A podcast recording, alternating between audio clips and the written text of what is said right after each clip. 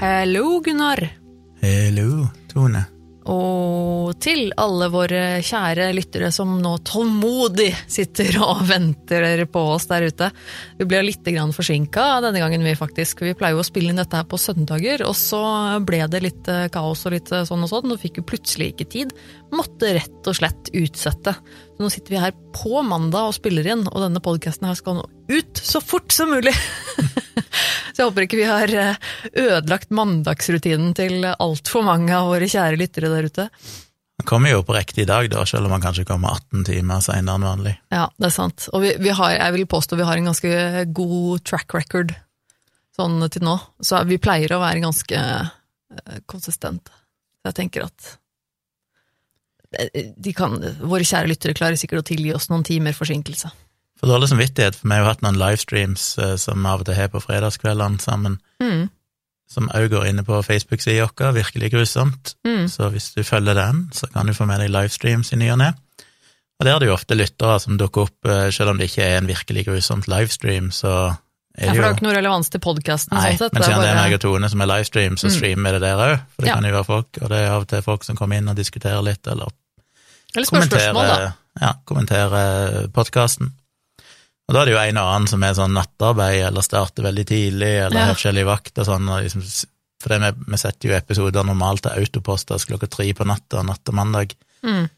Og da er det jo folk som faktisk hører han omtrent når han kommer ut. Og de var sånn 'Å, det hjelper de gjennom natta, eller gjennom vakten', eller et eller annet. Så da får jeg dårlig samvittighet, for det er sånn ja. nå fikk de ikke den i natt'. Så.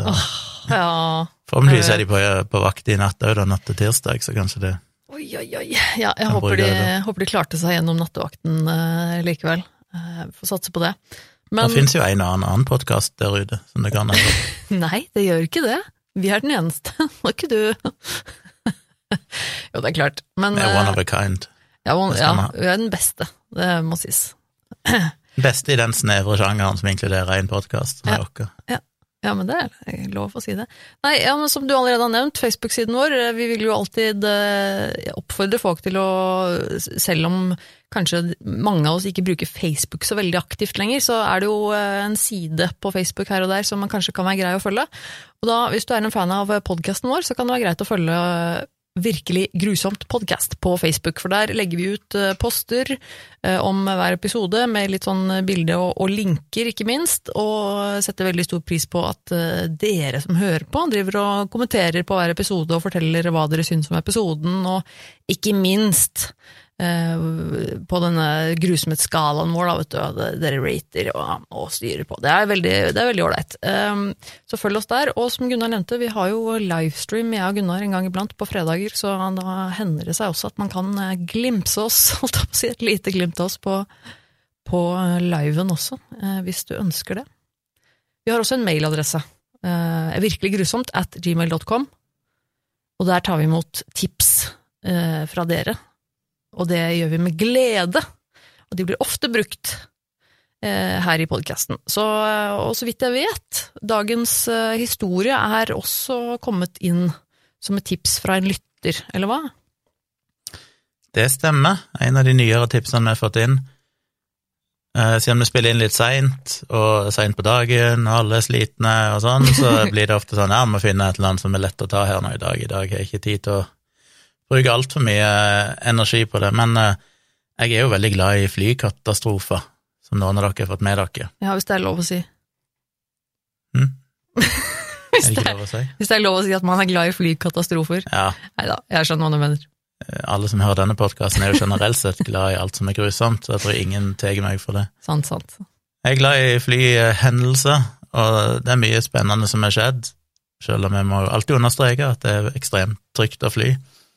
Allikevel, opp gjennom alle de millioner av flyturer som har vært de siste hundre årene, så er det skjedd en og annen ting, og det er alltid like gøy med litt spesielle ting, og denne saken er jo litt spesiell, for det er vel noe som ikke har skjedd veldig ofte, eh, om noen gang ellers, det er det sikkert, men det er iallfall en sjelden hendelse.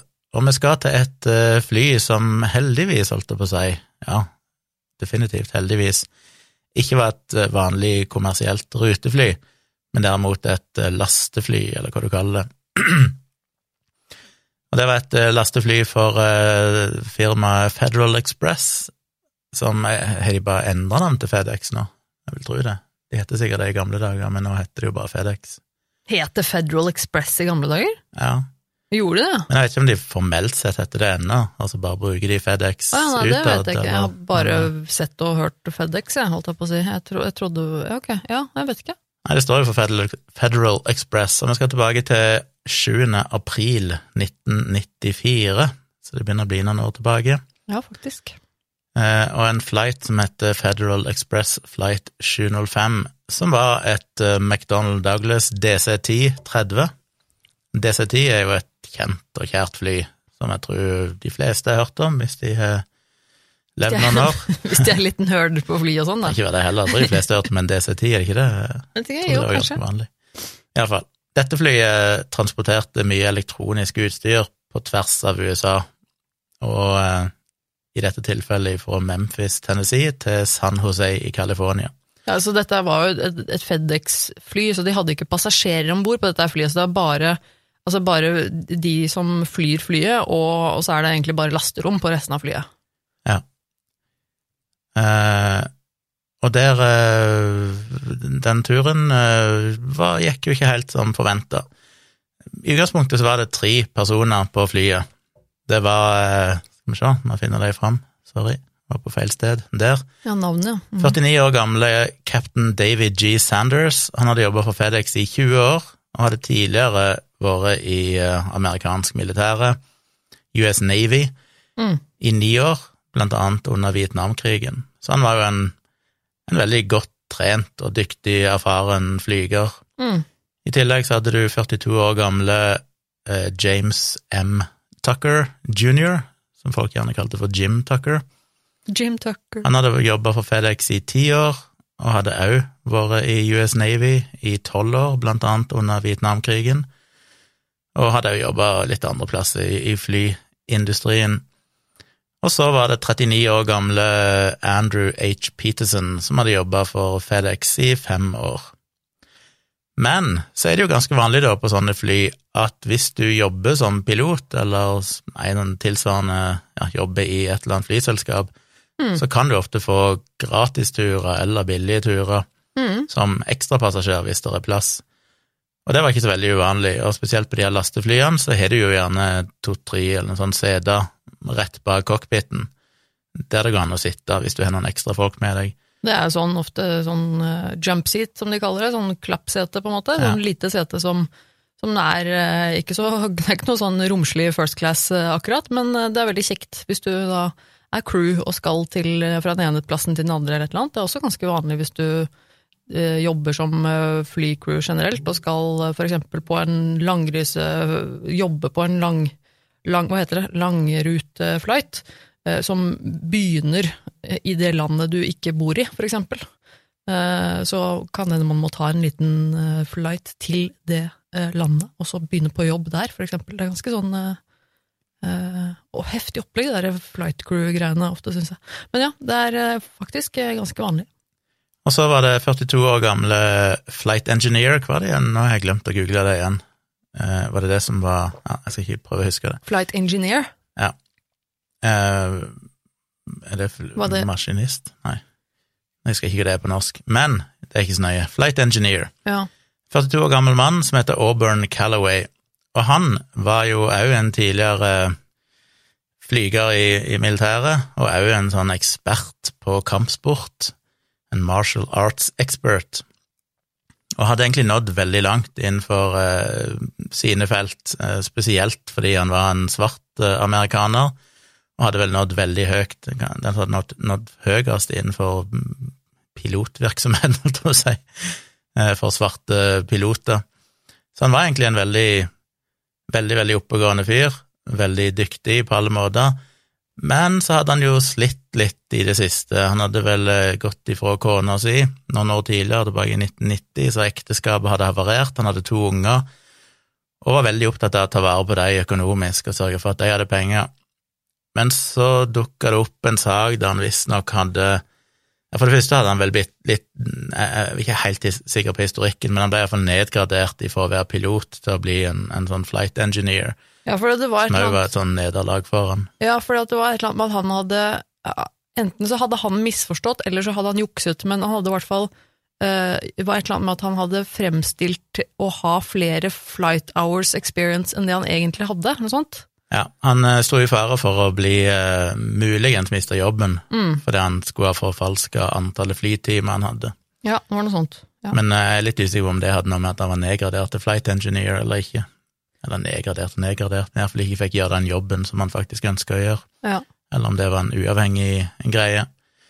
Så han var ikke så fornøyd, men han skulle nå en tur eh, vestover til California, og skulle egentlig visstnok vært pilot på denne turen her, sammen med Nei, han skulle være flight engineer på denne turen her, sammen med en pilot og en annen person, en kvinne, men fordi vet ikke om det var han eller noen av de andre, muligens han, hadde hatt akkurat ett minutt for mye flytid dagen før i forhold til det som er lovlig, så kunne de ikke ta den turen. Så da ble det et nytt crew. Men han var innstilt på at han skulle på det flyet, og derfor så spurte han om han kunne være ja, gratispassasjer, da. Ta et jump seat. Og det fikk han lov til.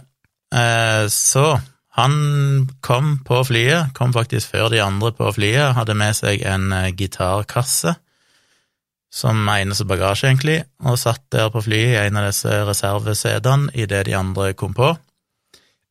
De hilste på han, de kom inn, satte seg ned på sine plasser, gikk gjennom den vanlige eh, sjekken som du gjør før du skal ha takeoff, og da oppdaga jo han som jobba som flight engineer på akkurat den turen, han oppdaga at bryteren som skrur på og av denne cockpit voice recorderen, eller CVR, altså den enheten som spiller inn all lyd i cockpiten i løpet av flighten, den var skrudd av.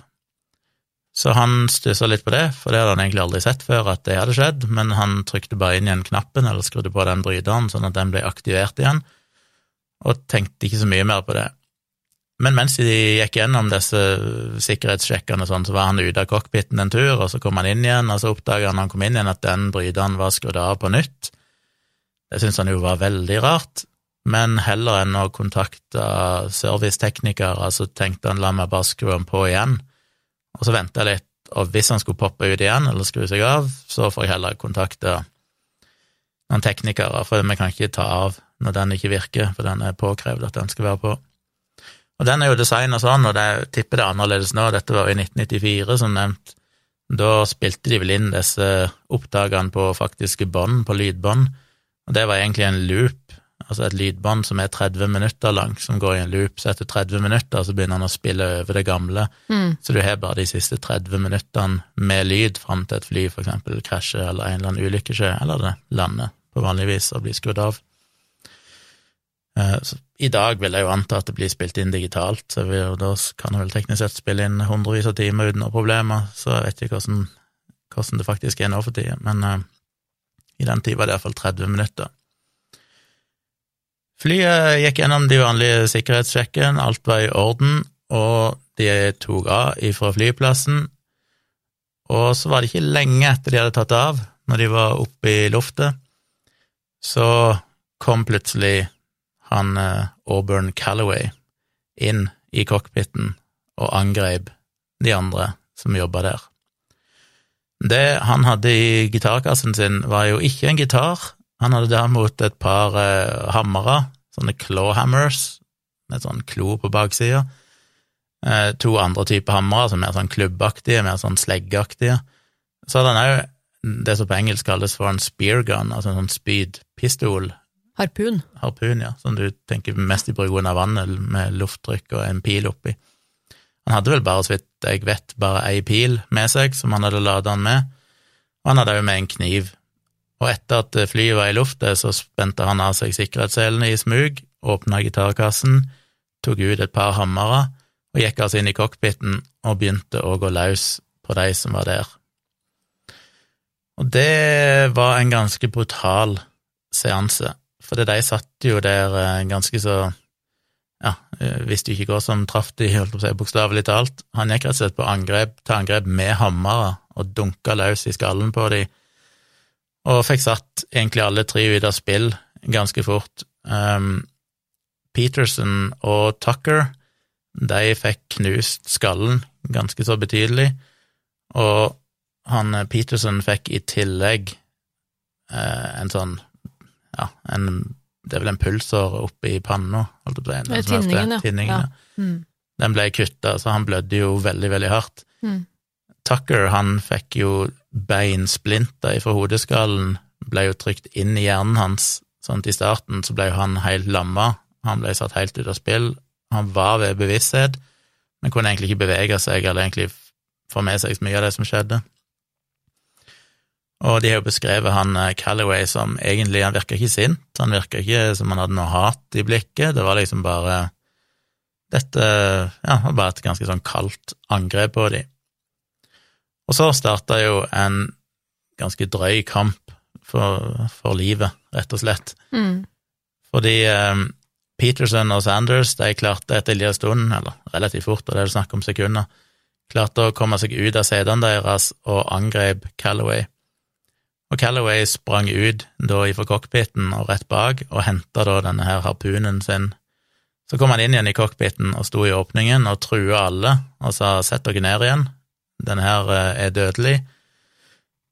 Men det som er imponerende handling, sånn heltmodig handling eh, Peterson som altså satt og Jeg får ha bildet her rett, ikke sant, du har de to som sitter framoverbøyd, framover, eh, kikkende og ser ut Ut Og styrer flyet. liksom. Mm. så denne her flight engineeren, han sitter jo på en måte sidelengs der bak, med masse instrumentpanel som han driver og følger med på. Mm. Rett bak pilotene, liksom, på siden. Så når han kom inn inngangen med denne harpunen, så satt jo han Peterson på en måte på sida av han, og selv om han var helt, egentlig satt ut av spill, dårlig balanse, var helt groggy, for han hadde jo blitt slått i hodet med hammer flere ganger, så tok han en sånn raskt valg om å altså strekke ut hendene og ta tak i pila på denne harpunen, for den pila stikker ut en sånn 15-20 centimeter ifra tuppen, og jeg og bare holdt den fast. Og i det øyeblikket så valgte Tucker, som på det tidspunktet styrte flyet, å eh, dra spaken bak, sånn at flyet plutselig begynte å stige veldig fort i en 15 graders eh, oppovergående stigning, sånn at eh, Peterson og han Callaway, da, altså han eh, the bad guy, rett og slett ramla ut av cockpiten og begynte å slåss der bak. Eh, Så ble det jo enormt med slåssing der bak, mens han Tucker, som eh, styrte flyet, og som da heldigvis hadde erfaring som eh, jagerflyger, og dermed var vel kanskje litt bedre rusta til dette enn generelle piloter, kanskje, han fant ut at det beste våpenet han hadde, det var jo flyet sjøl, så han satte i gang en rekke med ganske sånn drøye, radikale eh, manøvrer i lufta for å prøve å sette disse ut av spill. Så han satte altså flyet i en ganske sånn bratt oppoverstigning, sånn at de datt bakover, og så vrei han flyet over igjen mot venstre, sånn at det nesten var vertikalt, altså fløy med vingene rett opp og ned. Og det gjorde jo at de som var der bak og sloss, de rulla jo fram og tilbake og oppover veggen, og plutselig så var de oppe i taket etter en stund, fordi han fortsatte å vri flyet, og til slutt så hadde han det på hadde han rotert det 140 grader rundt, Mm. og det betyr jo at han nesten flyger opp ned. Han vil ikke flyge helt opp ned, og det er det som imponerer meg sånn Ja. med dette her, at han, selv om han for det første er ganske hardt skada, eh, han er jo tross alt beinsplinter fra, hodeskallen i hjernen sin og begynner å bli lam på den ene sida av kroppen. Ja, og venstre, venstresiden hans begynte å bli litt sånn nummen, fordi han var blitt slått så hardt i høyre side av hodet. Han var groggy og alt mulig sånn, men han hadde jo tydeligvis da mye instinkter ifra all sin erfaring i militæret. Så heller enn å flyge rett opp og ned, så fløy han 140 grader, fordi at hvis han hadde vridd det 180 grader, så hadde han ikke lenger kunnet sett bakken, og da vet han ikke hva som er opp og ned lenger, altså da er det nesten umulig å manøvrere. Mm. Men så lenge han bare vridde akkurat nok til at han fortsatt kunne se bakken ut av vinduet, så hadde han kontroll på flyet. Så alt var liksom veldig kalkulert og veldig bevisst av det han gjorde, det var ikke bare random ville manøvrer bare for å få de til å falle der bak. Og det er jo én ting, men også det at et sånt, eh, et sånt type fly, som dette lasteflyet, var jo ikke designet for å gjøre den type manøver i det hele tatt. Så det at han faktisk klarer å manøvrere et sånt fly til å gjøre så spreke krumspring, for å si det sånn, er jo ganske utrolig. Da skal du ha stålkontroll, altså. Ja, dette var jo et ganske sånn dølt eh, DC-10 lastefly. Det var ikke jagerfly, liksom. Ikke det mest brede flyet i verden. Så der bak så slåss jo disse tre, da. Peterson Sanders de drev jo og prøvde å ta Callaway, og de rulla rundt der bak mens han uh, Tucker altså styrte flyet. Og det var ganske dramatisk, det som skjedde der bak. Callaway klarte jo å få tak på hammeren igjen og slå de flere ganger. Sanders ble slått i hodet ei andre gang der ute. Og akkurat da så klarte Tucker å igjen sette flyet i en sånn eh, Ja, denne gangen var det nedover, så han begynte å styrte ned mot bakken veldig brått. Og da ble de som var der bak, de ble pressa bakover mot på en måte det gardinen, eller den veggen dekka av et gardin som skiller den delen rett bak cockpiten fra selve lasterommet. Men da ble jo satt, flyet satt under så ekstremt press at vingene og de der små vingene helt bakerst på halen av flyet, de begynte å vibrere fordi de blir utsatt for så ekstreme krefter og så turbulent luft, for det er ikke designa for å takle de hastighetene oppi. Og det blir et ekstremt bråk òg, for igjen, flyet er ikke designa for de kreftene. Og på det tidspunktet så var han jo på det meste oppe i 850 km i timen, som er det raskeste et DC-10-fly noensinne har flydd i historien. Så han satte jo verdensrekord der, alt jeg vil si. Ja, det er jo helt sykt. Og det er jo langt over det det er designa for å tåle. Jeg tror det var designa for å tåle noen 600 et eller annet kilometer i timen, men han pusha det langt over det. Og han pusha det langt, men han var jo klar over at det var ei grense og han kunne jo sjøl merke på lyden og sikkert vibrasjoner sånn at nå var det på grensa. Nå pusha det lenger nå, så kommer flyet til å gå i oppløsning. Mm. Og hvis han venter for lenge, og den turbulensen rundt vingene blir for stor, sånn at vibrasjonene blir for store, så mister han egentlig oppdriften og kan miste hele kontrollen over flyet. Da kan han ikke lenger vippe disse her ja, styre, Jeg vet ikke hva de heter, styrevingene bakerst eh, til å kunne kontrollere liksom om flyet skal gå oppover eller nedover sånn, så da mister han bare helt kontrollen. Så han var Han pusha det til limiten, men satte jo da som sagt rekord i hastighet.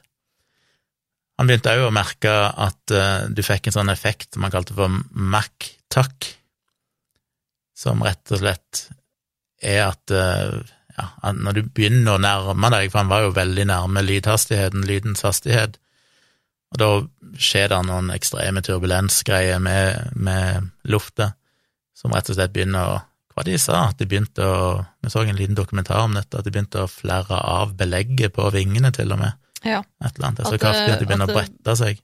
Ja, at det der eh, laget på, på de styrevingene bak At det begynte å bølge seg. At det, Ja. at det begynte lett og slett å løsne. At det, og det var helt Det er jo helt utrolig. Altså, det, ja, jeg ble helt fascinert.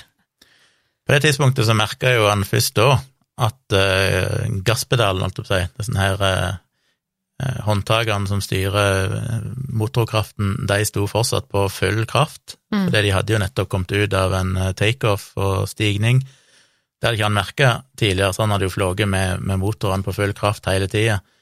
Og selv om han da begynte å være ganske lam på Venstre side. Ja. Han satt jo i høyre sete når dette skjedde. Han har brukt okay. venstre armen sin, ja, som faktisk var nesten lam, da. Ja, han har klart Ja. det, tydeligvis. Klarte iallfall å bruke venstre armen og strekke den mot midtkonsollen, og da trekke tilbake igjen. Var det ikke det han sa, at eh, fordi at han var nesten lam i venstre, så måtte han bruke høyre, så han måtte, Ja, han så han måtte slippe taket han hadde på, måte, på det han holdt på med med høyre, og så måtte han strekke seg over. Jeg tror det var noe sånt når de beskrev. Det er i hvert fall helt Han hadde for iallfall bare én brukelig arm, Ja. så han måtte jo slippe styrespaker for å kunne gjøre det. Men det gjorde jo at eh, flyet roa seg litt ned, da, og slutta å styrte imot bakken og flata ut. Og da var de ca. 5000 fot over bakken. Da klarte Callaway atter en gang å slå Sanders i hodet for en tredje gang, som nesten slo han, gjorde han bevisstløst, Ja. Og baki der så var det jo bare kaos. Eh, altså Bilder og sånn viser jo at det var så mye blod. Alle blødde jo, de ble jo slått i hodet med hammer. Eh, og de, Sanders og, og Peterson som drev og sloss der baki, de mista jo stadig vekk mer styrke, fordi de blødde jo veldig. Mm. Han hadde jo ikke ja, Når de endelig var ferdig, så hadde vel han ene hadde jo nesten ikke puls lenger. Mm.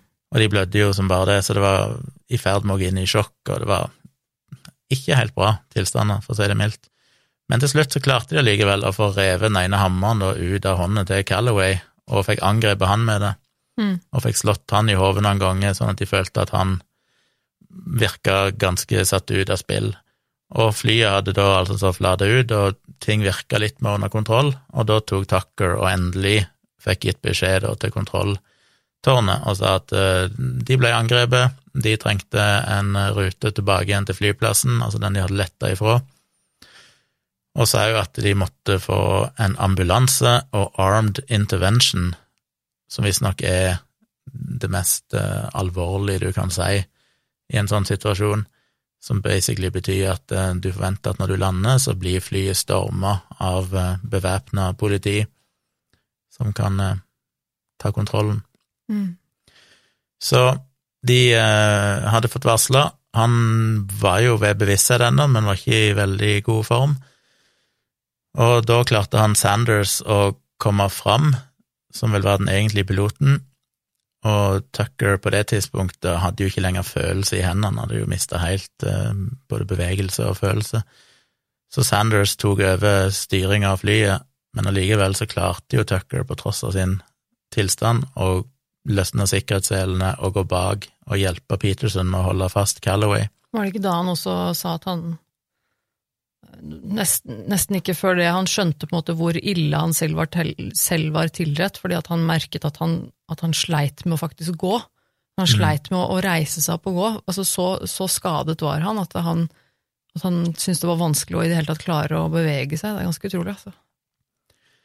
Sanders tok da over kontrollen, som sagt, og fikk kontakta igjen eh, kontrolltårnet, og fortalte de litt om hva som var situasjonen, og at de måtte forberede en, en nødlanding tilbake på Memphis International Airport. Men på det tidspunktet så begynte jo da Callaway å slåss igjen, så kampen var ikke over der bak. Så mens de trodde at han var satt ut av spill og nesten bevisstløs, så begynte han plutselig å kjempe igjen.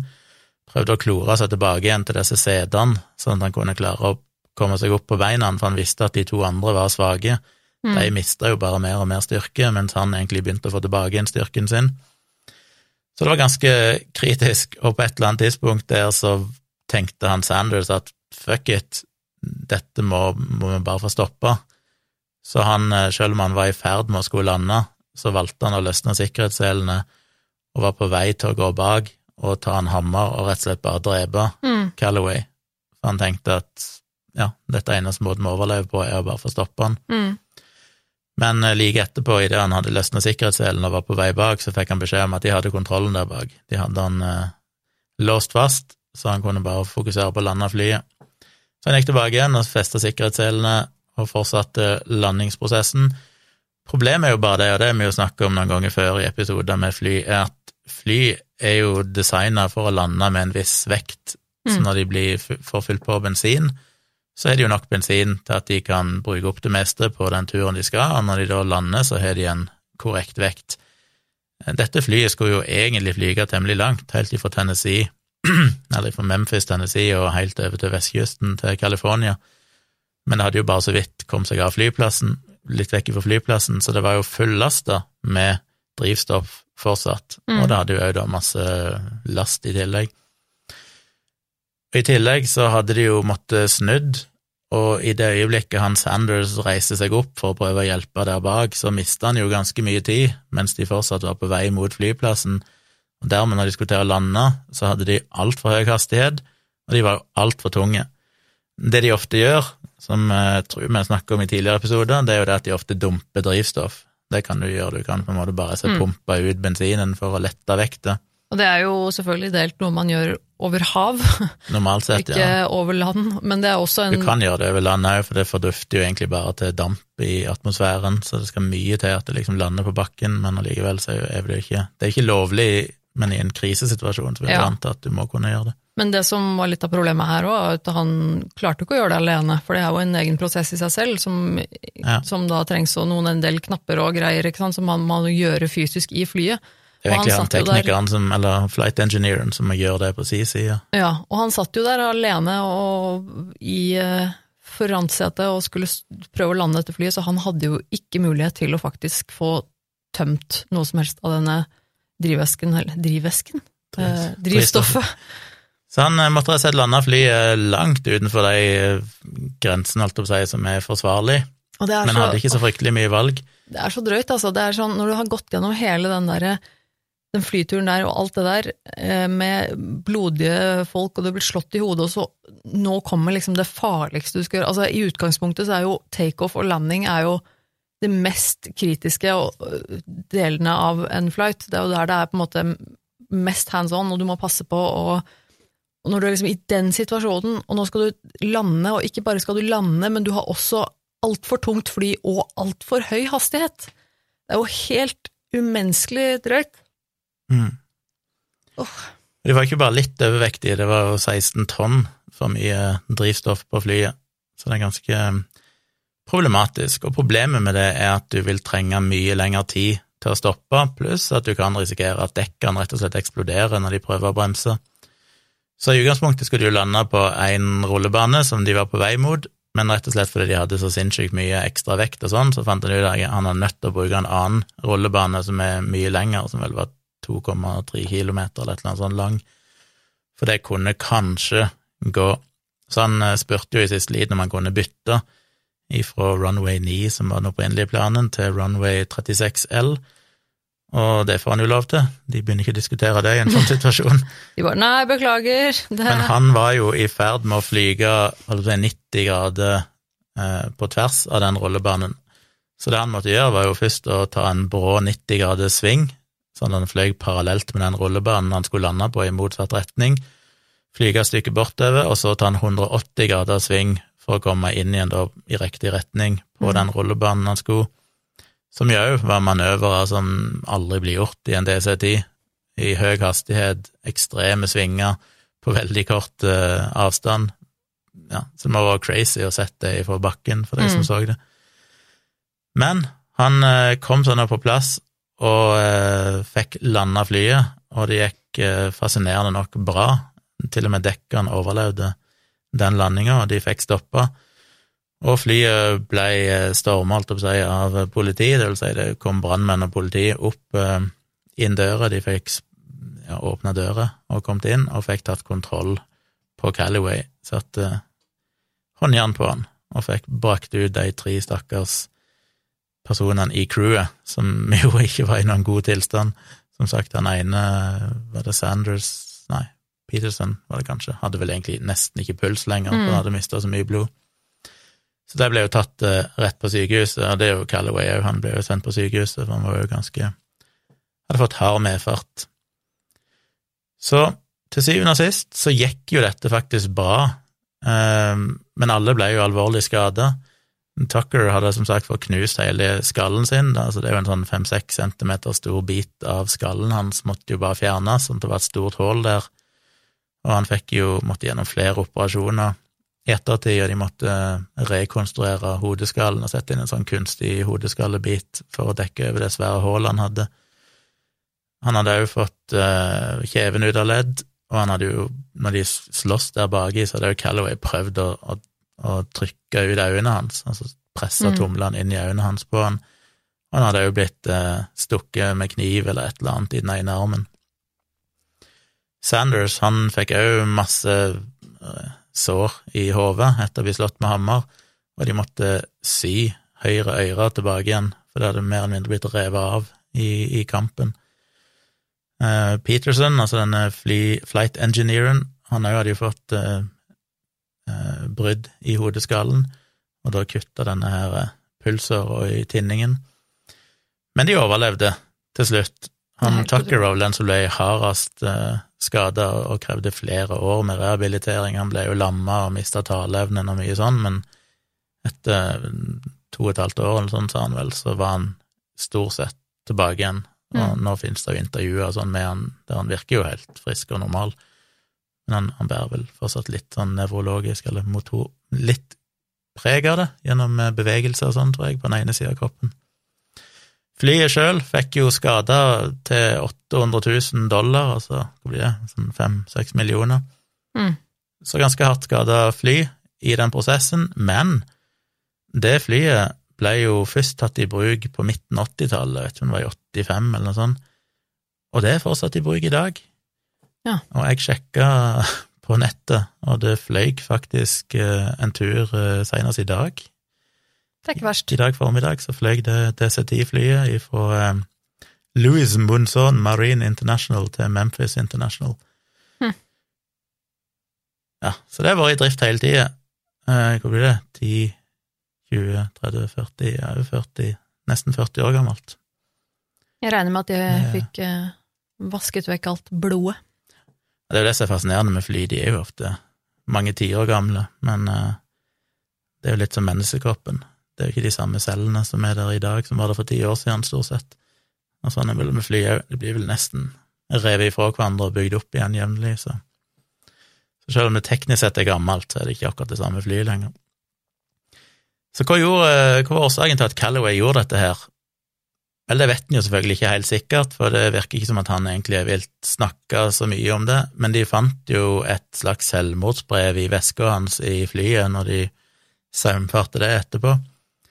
Han hadde skrevet til kona si at uh, han alltid hadde prøvd å ta vare på de økonomiske og alt dette her, og de fant ut seinere at han samme dagen, var det vel, før han satte seg på flyet, så hadde han, eller den siste perioden før flyet, men hadde han samla sammen alt han hadde av verdier og penger, og samme dagen så hadde han overført det til en konto til kona si, som var en sånn bortimot en halv million i dagens eh, valuta, tror jeg, eller i dagens kurs. I tillegg så hadde han jo en livsforsikring som ville utløse to og en halv millioner dollar i forsikring til kona hvis han døde Han døde i en i en arbeidsrelatert ulykke. arbeidsrelatert ulykke. Så det var egentlig det som rett og slett lå bak han. Dette var egentlig bare et uh, veldig omfattende selvmordsplan for hans del, og det var ganske gjennomtenkt, fordi han ville ikke komme inn og bare ha med seg en pistol, for eksempel, og skyte de, eller uh, ja, bruke andre metoder. Grunnen til at han hadde med seg hammere spesielt, og gikk til angrep med hammer, det var at de skadene han kunne påføre de ved å slå de med hammer, ville være helt umulig å skille ifra de skadene de ville få i et faktisk flykrasj. Mm. Så når de fant likene etter dette flykrasjet, så ville ingen tenke at det hadde vært noe på ferde. Og det var derfor han òg hadde skrudd av denne cockpit voice recorderen, sånn at det ikke fantes noen bevis i den som kunne dokumentere at det hadde vært noe slåsskamp og, og sånn. Hvis, eh, hvis denne cockpit voice recorderen ble skrudd på igjen, som han jo ble, Mm. Så ville jo det som sagt bare bety at han i så fall måtte ha flydd en halvtime ekstra Mm.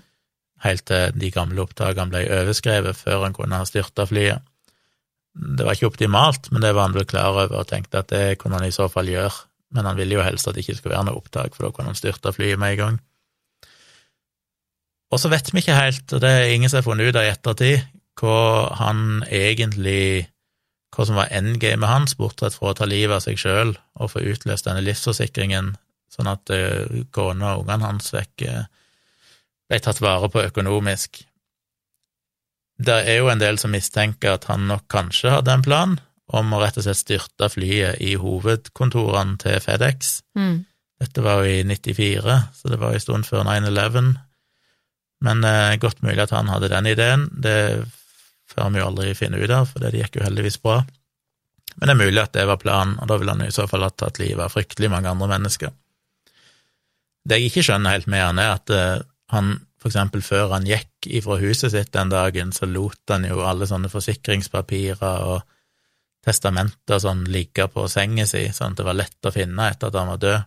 Han, Og det altså, er litt sånn Jeg tror ikke det virker litt mistenkelig at du dør i flyulykker, flyulykke, og alle tenker 'oi, dette var ei tragisk ulykke', og så kommer de hjem til han, og så sånn tilfeldigvis så ligger alle forsikringspapirer og testamenter sånn på ja, så tilfeldigvis har han vært hos advokaten sin rett Ja. før og gjort om på, på testamentet sitt, og han har planlagt alt veldig nøye i forkant. Han har, han har rett og slett forberedt seg på å dø i lang tid i forveien, som han da også legger spor etter seg ved å at han skriver da et selvmordsbrev, basically.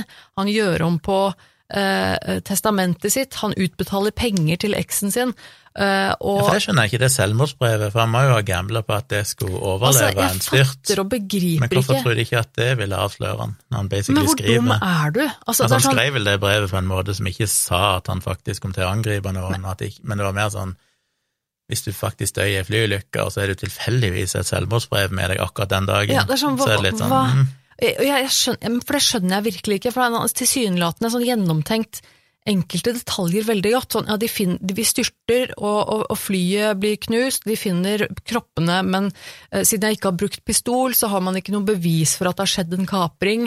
Eh, sånn at da Ikke noe kanskje, lydopptak. Ikke noe lydopptak, så da eh, eh, kan det på en måte være at det har skjedd en ulykke. Sånn. Men, du, men tenk litt lenger da, på hvor mange beviser som finnes mot deg mot at det er en ulykke. Når du, når du på en måte har planlagt det så lang tid, lagt igjen spor på testamentet, selvmordsbrev, og tilfeldigvis eh, var det ikke noe opptak fra cockpiten. Eh, altså, her, og, med hans historie også, med, med, med skilsmisse og hans eh, private tur, turbulente tider, og ikke minst at han også hadde en, en føyde med, med arbeidsgiveren sin, så er det bare sånn Hvordan av verden tror du at du hadde kommet unna altså, Det å tro da at den forsikringspremien hadde blitt utbetalt, er jo helt hinsides. Det er jo helt klart at han har hatt noe med dette her, og nå legger igjen beviser du, altså, Det er sånn selvmordsbrev og, og testamentet og utbetaling Det er sånn Hallo, hva er det du, hva er det du tenker på? Altså, nei, jeg, jeg, jeg kan Det er merkelig greie. Det er litt sånn tragisk òg, for det er, det, det er lett å få litt sympati med han at han var i en fortvilt personlig livskrise, Absolutt. og likevel så ønsker han å gjøre det han kunne for familien sin, og iallfall sikre det økonomisk. Men når du da gjør det så dårlig at det nesten ikke finnes noen sjanse for at de faktisk ville fått de forsikringspengene, og i tillegg du velger å ta livet av tre andre uskyldige i prosessen, Ja, så det er er det sånn vanskelig å få veldig mye sympati. Ja, det, Han.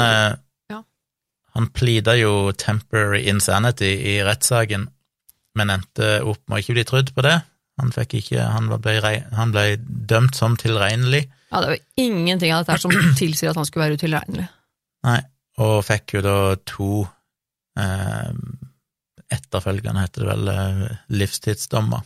Ja, Og det var føderale dommer, og sånne føderale dommer er det ikke noen prøveløslatelse på, så Mm.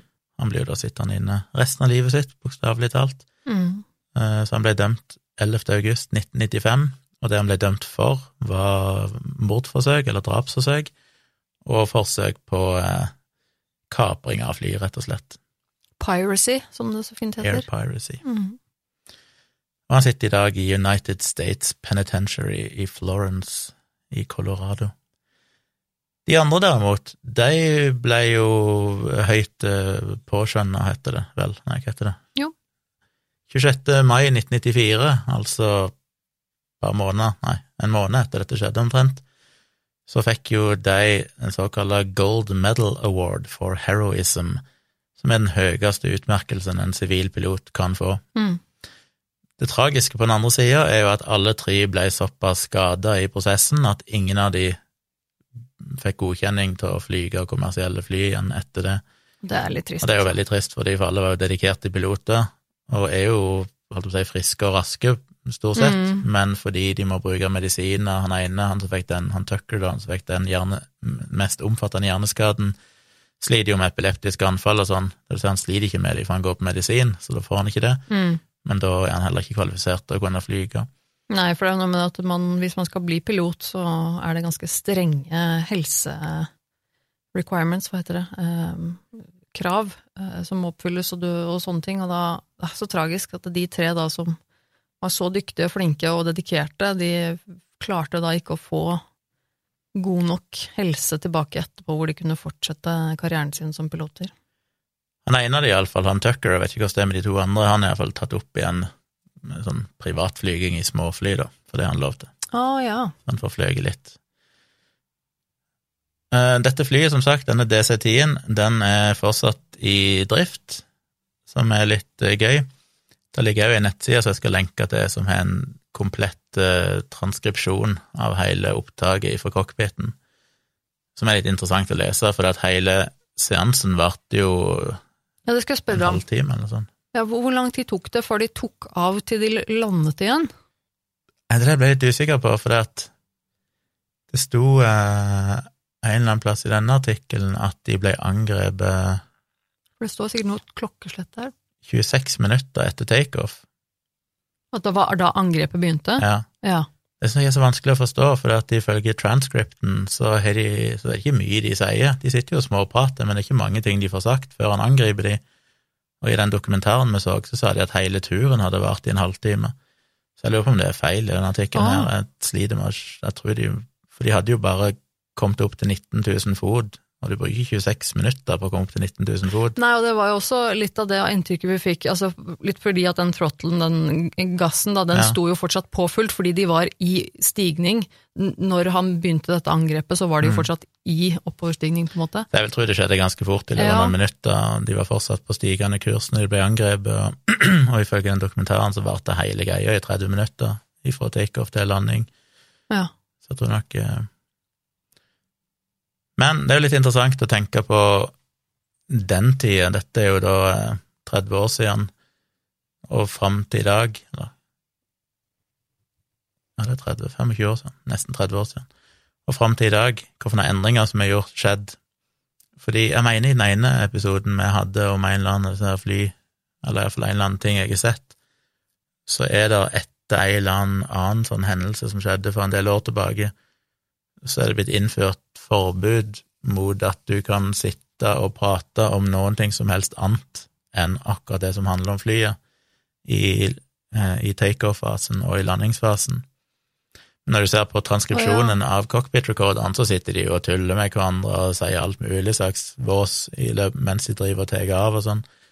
Ah, Og det ja. virker jo, når jeg, bare når jeg leser det, så tenker jeg sånn, oi shit, jeg merker jo sjøl at jeg ikke har lyst til at pilotene skal sitte og snakke sånn med hverandre. Jeg vil jo de skal faktisk være 100% fokuserte på det de driver på med.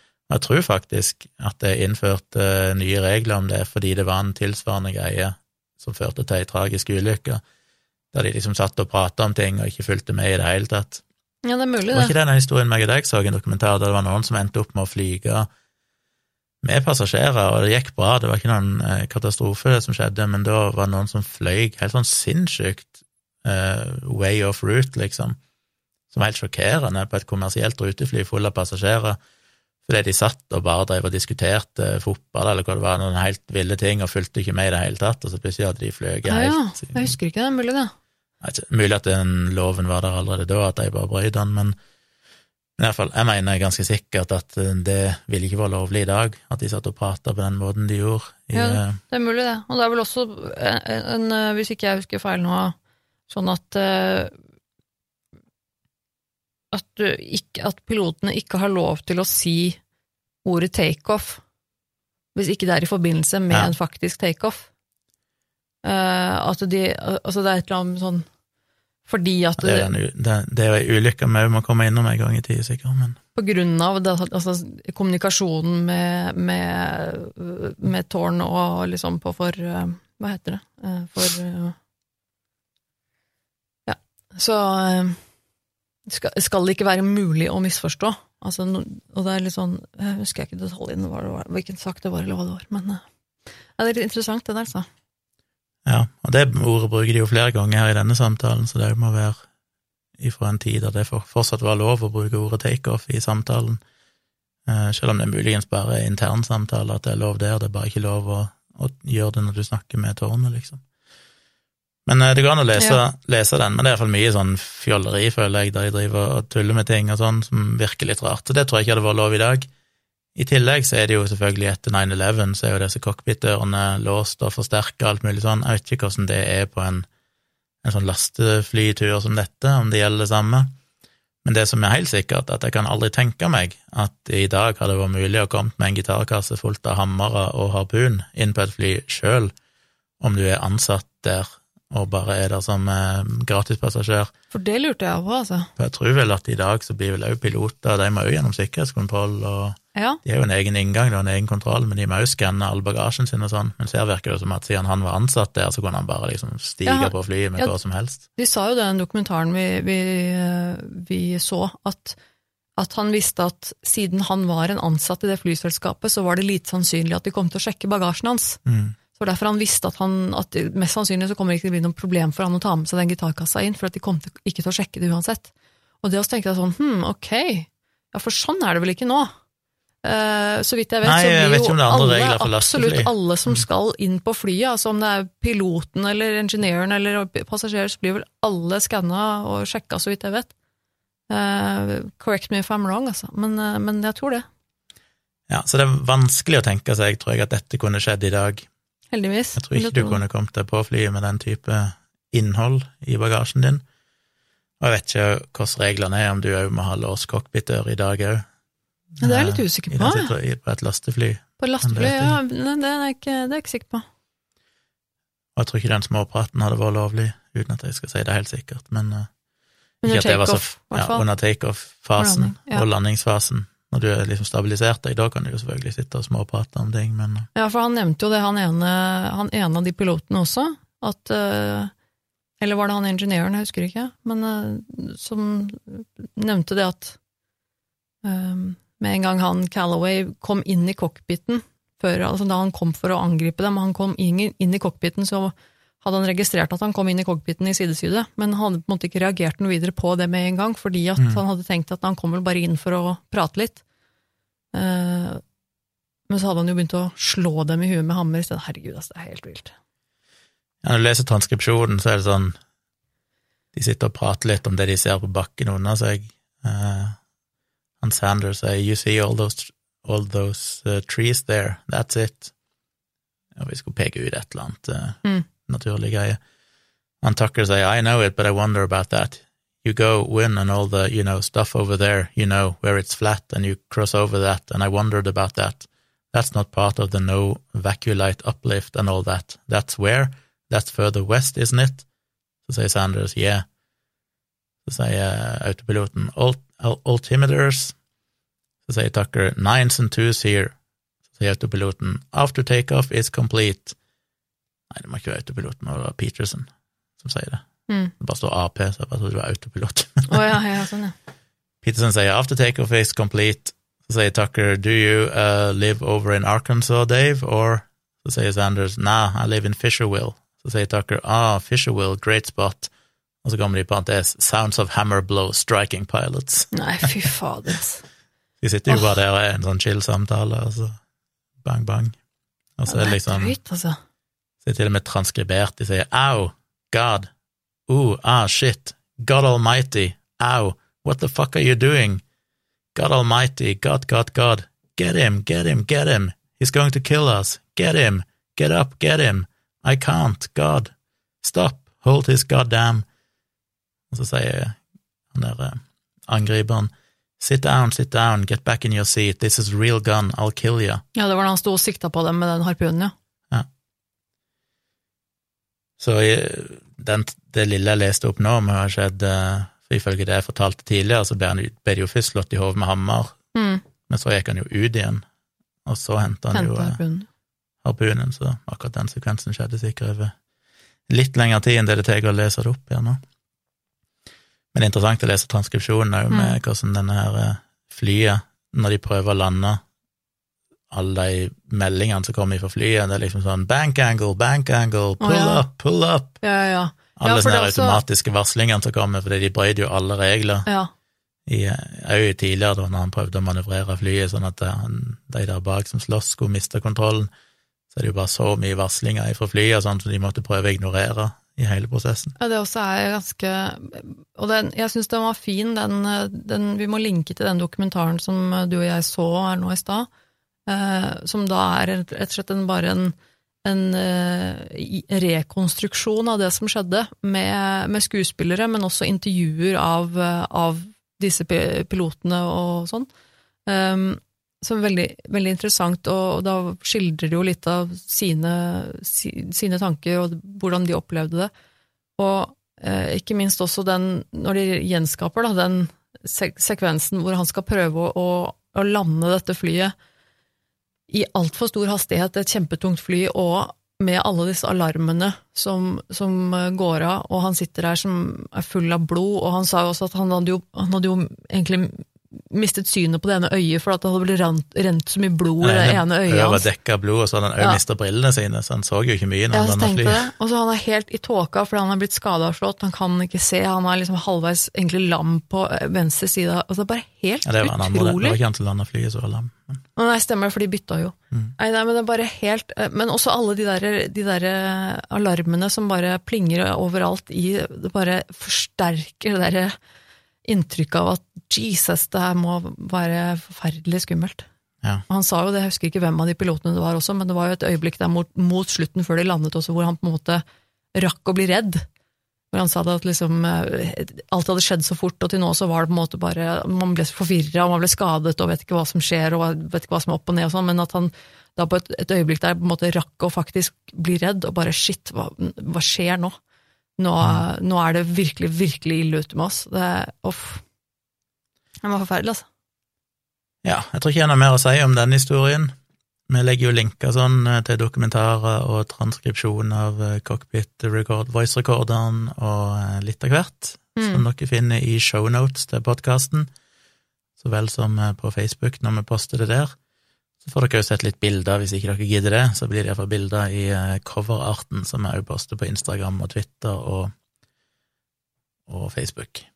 Jeg må jo si at uh, jeg kan ha Jeg har jo selvfølgelig veldig sympati for en person som er i en desperat situasjon, og en person som er så langt nede at han ikke lenger ønsker å leve. Det er alltid noe man skal på en måte ta på alvor og, og ha sympati for. Det tror jeg er eh, Ja, det er ikke, det er ikke lett. Men um, det er noe eh, noe jeg på en måte aldri klarer å, å eh, komme helt rundt, det der med når det er noen som velger å dø med å også drepe andre samtidig.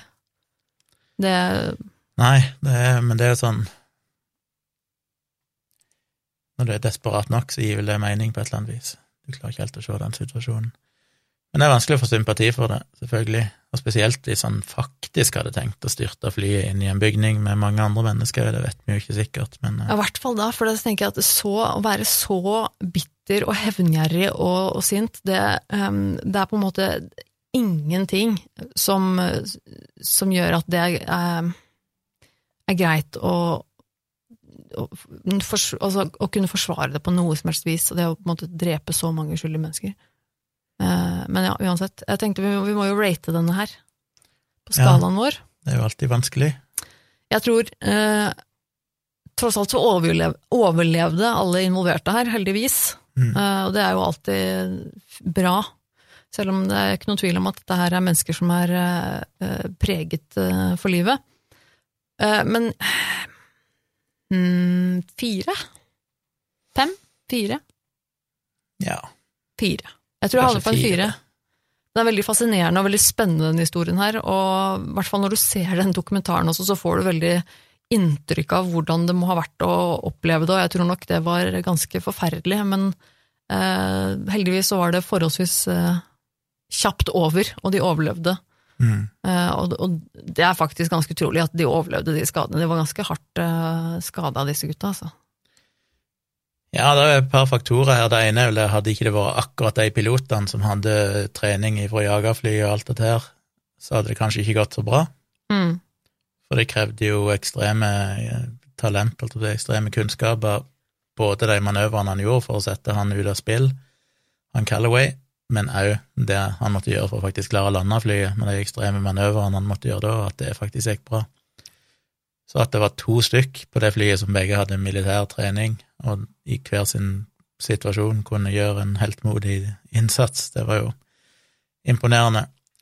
En annen ting som gjorde at det gikk eh, bedre enn det kanskje ellers ville, er jo det at de rett og slett bytta det crewet.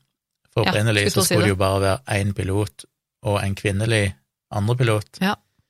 Og så skulle jo han sjøl, han Callaway sjøl, være flight engineer, så da ville, var det bare to personer han måtte ta, og en av de var en kvinne, som kanskje ville vært lettere for han å Mm. overmanne. Og det Og da hadde det nok neppe Da hadde han nok lykkes, vil jeg tenke meg. Jeg vil også tro at han hadde hatt mye større sjanse for å faktisk klare det da, altså. Det er mye forskjell på to og tre personer. Ja, det er det. Også, det også det at, det- at Ja, altså det er to personer som sitter og ikke ser det komme. Eh, Pluss at en av dem er en kvinne som også ble Jeg tror det var beskrevet at hun på en måte At han var overbevist om at han skulle klare å ta henne ganske lett. Jeg vet ikke om hun var ganske liten eller hva, uansett. Men, men når de tre voksne eh, mannfolka som har holdt jeg på å si, krigserfaring, eh, nesten ikke overlever, Mm. da er det en Ja, så det var på en måte litt sånn hell i uhell, da, holdt jeg på å si, kan man si. Ja. Vi har fått eh, flere tips om flyhistorier, mange av de kjenner jeg fra før og har liksom tenkt å ta på et eller annet tidspunkt. En del av de er jo såpass korte, det er mer en hendelse der det ikke er så mye å fortelle, så det er mulig å ta en sånn kombiepisode en dag og ta to eller tre sånne litt interessante ting som har skjedd, som var grusomme. Vi har gjort det Gjort det gang før. mm. Men uh, vi får se. Fortsett å sende oss eh, tips på mailen vår om du har kommet på en eller annen hendelse som eh, du ønsker at vi skal fortelle om. Mm. Eh, gjerne litt en sånn hendelse som kanskje ikke alle vet om. Vi har jo fått noen tips inn som går på litt sånn velkjente saker, og da er det kanskje ikke sjansen så stor for at vi tar dem her. Vi prøver jo som regel å plukke litt saker som kanskje de fleste av oss ikke har hørt om før. Ja, jeg tenkte jeg ville, før vi avslutter, så må vi bare ta noen mailer som jeg har glemt vekk. For uh, vi har jo fått én mail der det er ei som heter Sandra, som spør om kilder. Der sier jeg er en ny fast lytter som lurer på hvor dere som oftest finner kildene deres. Er det noen spesielle nettsider dere søker opp for å finne historiene dere forteller, eller googler dere og tar det derfra? Finner dere alltid to ulike kilder, eller kan dere også basere dere på én kilde? Vi snakket litt om det vel i Vi får snakke om det i livestream, og muligens i den der jubileumsepisoden, episode 50, som også ligger ute som video på YouTube. Ja, da snakker vi vel litt om det, tror jeg. Eller ligger han på YouTube? Han gjør vel det òg, eller er det bare Facebook han ligger? Jeg husker ikke. Men iallfall, eh, korte svaret på det er at eh, vi ofte begynner med Google. Eh, det kommer litt an på. Av og til så har vi sett en video på YouTube, og så begynner vi der. Andre ganger så bare googler jeg eh, og finner sånne oversikter over grusomme ting, eller hvis det er et spesielt tema jeg tenker vi har et eller annet som handler om det, så kan jeg bruke noen stikkord. Så finner jeg gjerne en del forskjellige historier som jeg begynner å lese på, og så googler jeg stikkord ifra den, og så finner jeg flere artikler, og kanskje en video eller to jeg kan se. Så det er ikke noen faste plasser jeg går, det er liksom ikke ei nettside, her finner du de, det er mer sånn jeg ender opp i avisartikler, ofte er det mye avisartikler der jeg leser om det. Eh, I tillegg til at det finnes en del sånne nettsteder som bare skriver om eh, grusomme drap og flykatastrofer og sånne ting, så der finner jeg ofte tilleggsinformasjon. Så er det ofte gode Wikipedia-artikler som gir en grei oversikt over hendelsesforløpet og de som er involvert. Ja, så jeg prøver jo Jeg tror aldri jeg er basert Iallfall ikke jeg, tror aldri jeg har basert meg på bare én kilde. Det er Nei, alltid det er det. flere jeg sitter og leser igjennom. De fleste sakene vi, vi snakker om, da finnes det jo som regel mer enn én kilde. Mm. Og det er jo veldig greit det, å bare ha litt forskjellige steder, enten om det er som du sier avisartikler eller Wikipedia og sånn, men da får du gjerne et litt større og bredere bilde av detaljer og og også hendelsesforløp og sånne ting, og da får du også de ene kildene som bekrefter de andre eller ikke. Også, men det er jo av og til vi, vi har eh, saker med, med detaljer som vi er litt usikre på, men da er det jo sånn at vi sier det. At Ja. Da har vi også vært tydelige på det at ok, her er det én kilde som sier at sånn og sånn skjedde, og det vet vi ikke, det fant jeg ikke om noe annet sted, men det kan hende, eller akkurat sånne ting, da. Og Problemet med å ha flere kilder er, som jeg har påpekt mange ganger i mange episoder, det er at mange av kildene ofte motstrider hverandre. Mm. Så vi sitter ikke her og sier at vi kan garantere at vi kommer med den absolutte sannheten, Eh, for det er ofte avvikende informasjon, eller motstridende informasjon, Mm. men da pleier vi som regel å si det, at der sto det, en plass sto det sånn, og en annen plass sto det sånn, jeg vet ikke hva som er sant, men, men det er sjelden sentralt for akkurat selve historien, det er mer detaljer rundt Ja. det. Det er jo sjelden det er så store avvik at det på en måte blir helt feil. Så, Og så er det vært en og annen episode, ikke mange, et par eller noe sånt, iallfall som jeg har tatt, der det finnes sjokkerende lite informasjon på nettet. mm. Og da blir en selvfølgelig, da er det alltid risikoen litt større for at eh, en ikke kan være så sikker på at alt er like godt verifisert av det som blir sagt, men det var veldig sjelden. Det var én eller to historier jeg føler at jeg er blitt litt overrasket over at oi, det finnes jo sjokkerende lite informasjon om dette. Mm. Blant annet den saken som vi hadde nå nylig med hun som kasta svovelsyre på eksen sin, Mark Van Dongen, ja. og den, eh, den var sjokkerende lite omtalt. Mm. Det var mye mye avisartikler som handler om rettssaken og sånn, men eh, få artikler som handler om selve hendelsesforløpet og alt dette her og sånn. Så, så er det noen sånne historier der det er litt vanskelig å finne ut akkurat detaljene i alt, men, eh, men ja. Som er ikke noen faste kilder, det kan være alt mulig rart som dukker opp når vi researcher. Et annet, en annen mail fra ei som heter Hanna, som eh, bare sier at uh, det var vel et uh, etter å ha hørt dagens episode, skriver hun, og jeg er litt usikker på hvilken episode det er, men iallfall, hun ja. sier at det hadde vært supert om dere kan si ifra når det er episoder med seksuelle overgrep. Mm. For det var et tema hun prøvde å unngå, og det gjaldt meg flere enn hun. Eh, det skal vi prøve å huske. Vi har jo gjort det faktisk noen ganger. Så har vi jo sagt at her involverer det overgrep mot barn, for eksempel. Mm. Så det hender jo at vi har gjort det. Det er ikke alltid vi kanskje husker å ha gjort det, men vi skal prøve å være bevisste på det og gi en liten varsling om det i, i starten. Ja.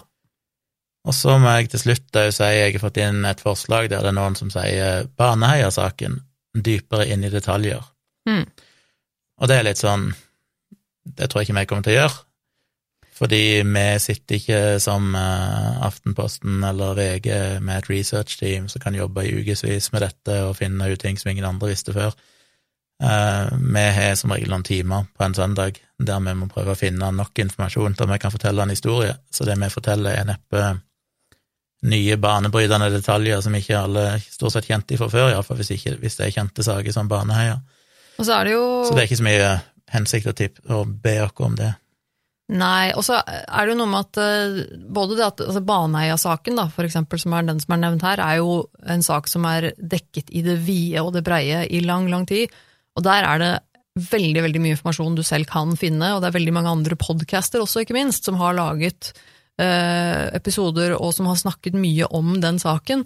Eh, så der vet jeg ikke om vi egentlig har så mye å ta tak i, som ikke er blitt sagt før, eller som ikke er blitt eh, laget podkast om i flere ganger før. Mm. Um, så det er kanskje litt med det også. Og det, og det, er jo selvfølgelig ikke fordi at det ikke er en interessant sak. Personlig syns jeg Baneheia-saken har vært veldig veldig interessant, og jeg har fulgt med på den lenge. Eh, så, så, sånn sett er det absolutt noe jeg kunne snakket om i timevis i denne podkasten her også, men det er noe med at vi, ja, som vi har nevnt, det, det, det er gjort, på en måte. Som jeg sier, at vi fikk en mail fra en eh, svensk lytter. Ja. som takker for en bra pod. Det er litt morsomt at det sitter folk i andre land og hører på. Ja, det er veldig gøy. Rart at de skjønner hva jeg sier med min dialekt, men Men det tror jeg var alt for dagens episode. Vi er jo da som vanlig tilbake igjen om ei uke. Vi men, regner med at vi ikke blir forsinka neste uke. Nei, vi skal prøve å holde tidsskjema. Eh, takk så mye for at dere hører på, og vi syns det er utrolig gøy med all feedbacken vi får for tida, både inne på Facebook-sida vår og på mail. setter vi veldig pris på. Det er gøy at dere syns det er interessant å høre på denne lille podkasten vi sitter og spiller inn for moro skyld. Hvis du vil høre Gunnar jabbe litt mer om uh, ting, uh, så sjekk ut podkasten til Gunnar som heter Tomprat. Den hører jeg på selv, ja. er veldig bra, kan anbefales. Den kommer hver tirsdag og hver fredag. Og jeg har jo en egen livestream som jeg kjører hver tirsdag kveld alene. Klokka elleve på kvelden som regel, så det er ganske seint. Men hvis det er noen av dere som liker å sitte seint uh, oppe og se og diskutere og delta i livechat og sånn, så må dere gjerne Se på den. Det er den veldig hyggelig, faktisk. På, på YouTube-kanalen min, som heter Tvilsomt med Tjomli, eller bare søk etter Tomprat live inne på YouTube. Uh, og podkasten min Tomprat finner dere på Spotify og alle plasser der det er podkaster, i podkastappen, bare søk etter Tomprat. Og så er jo Tone både YouTube-kanal, som heter Tone Sabro, mm. og hun er litt flinkere enn meg til å legge ut en del videoer der, så hvis dere er interessert i Prøver det hun driver med, som er mye tatovering og reisevideoer og litt av hvert, psykisk helse. Ja. Så kan dere gjerne sjekke ut den. Og så er jo du en podkast òg, som jeg har blitt litt ak mer aktiv på igjen i det siste. Jeg har laget uh, noen episoder nå i det siste. Det blir ikke en ukentlig lenger, men sjekk ut Nerve hvis du er interessert i uh, å høre litt mer uh, om rantinga mi om diverse. diverse. Det er hyggelig. Den kommer ikke ut til noe fast tid, men bare abonner, så dukker det opp nye episoder i ny og ne. Plutselig kommer det en episode, så søk på Nerve i podkast-appen din, så finner du meg der. Og som vanlig, gå inn og gi dere fem stjerner der du kan. Eh, det betyr veldig mye. Eh, rate dere, gi dere hyggelige kommentarer, tips andre om podkasten. så blir vi veldig glad. Da skal vi ikke mase mer om det i denne episoden. Så vi runder av her. Takk for at du hørte på igjen, og så høres vi igjen om ei uke. Ha det. Ha det.